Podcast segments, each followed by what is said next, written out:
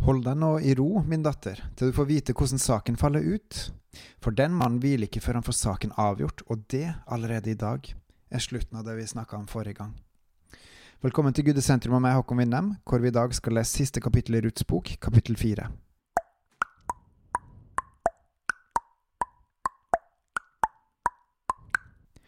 Men Boas var gått opp til byporten og hadde satt seg der. Da kom løseren som Boas hadde talt om, nettopp forbi. Og Boas sa, Kom hit og sett deg her, min venn. Og han kom og satte seg. Så kalte han eh, til seg ti menn av byens eldste og sa, Sett dere her. Og de satte seg.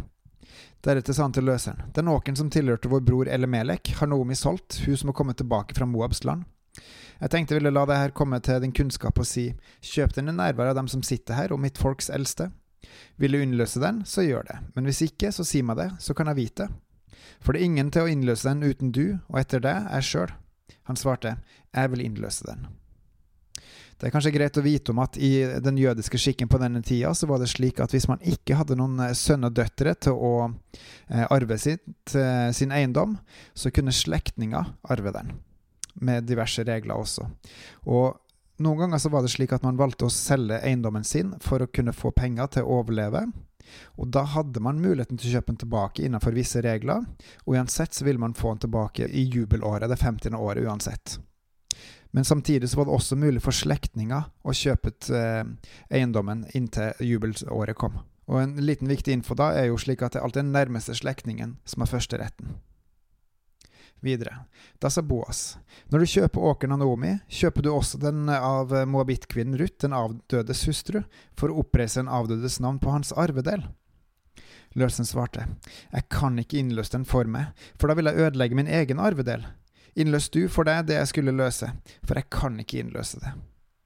I gamle dager var det skikk i Israel ved innløsning å bytte at den ene parten til stadfestelse av saken dro skoa av og ga den til den andre. Dette gjaldt som en bekreftelse i Israel. Derfor sa løseren til Boas, kjøp du det, og med det samme dro han sin sko av. Da sa Boas til de eldste og hele folket. Dere er i dag vitner på at jeg har kjøpt av eh, Naomi alt det som tilhørte Elimelek, og alt som tilhørte Kiljon og Malon.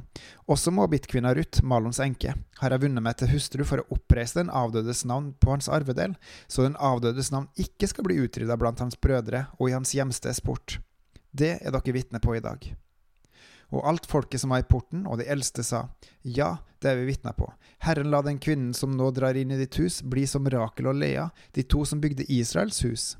Måtte du bli en mektig mann i Efrata og få et kjent navn i Betlehem. Og legg merke til her at det her er en velsignelse av de eldste, de som står høyere enn Boas, som velsigner Boas med dette.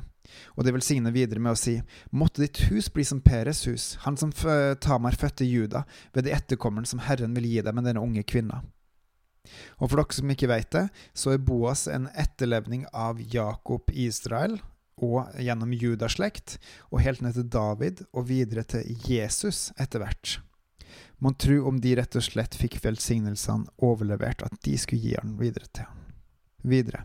Så tok Boas Ruth hjem til seg, og hun ble hans hustru. Han gikk inn til henne, og Herren lot henne bli med barn. Hun fødte en sønn. Legg merke til Herren lot henne bli med barn. Da sa kvinnene til Noomi, lovet være Herren som ikke lot deg mangle en løser i dag, må han få et kjent navn i Israel.